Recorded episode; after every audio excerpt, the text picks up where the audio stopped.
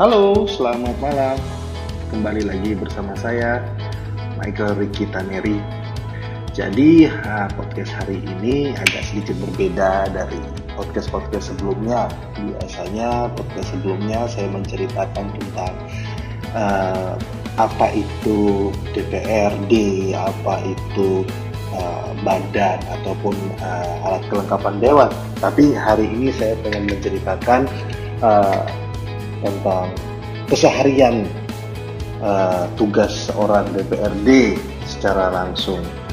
Hari ini uh, saya bertemu dengan uh, banyak masyarakat yang hadir ke kantor dewan uh, membicarakan tentang keluhan uh, yang cukup cukup trending di tahun tahun ini dan tahun kemarin uh, karena kita tahu sendiri bahwa uh, kita mengalami masa pandemi corona ini uh, berbicara tentang sistem pembelajaran.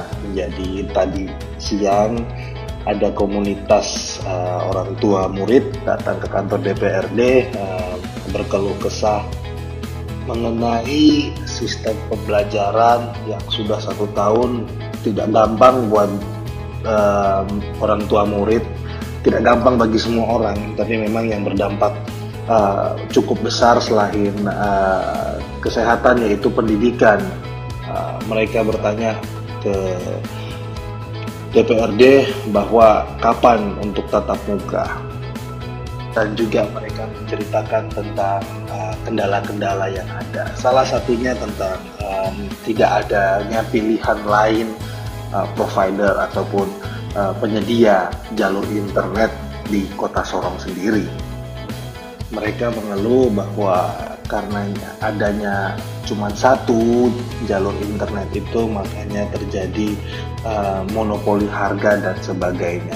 Tapi itu bisa kita bahas, itu kita bisa panggil untuk berbicara karena memang uh, sejauhnya uh, DPR, DPRD sendiri menerima keluhan ataupun informasi permasalahan tidak bisa langsung uh, memberikan solusi ataupun langsung menjudge bahwa oh ini salah ini benar. Jadi harus memanggil kedua belah pihak yang bermasalah dan dimediasi.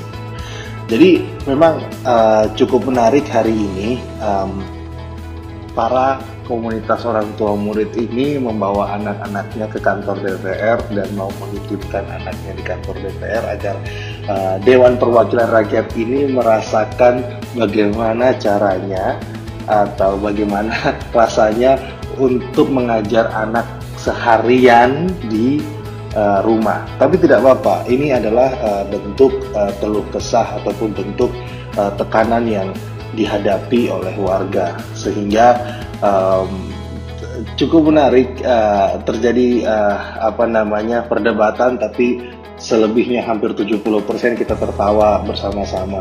Kita tahu bahwa masalah ini adalah masalah kita bersama. Tapi memang uh, akhirnya uh, kita akan memediasi antara para pengajar, uh, habis itu dinas pendidikan juga.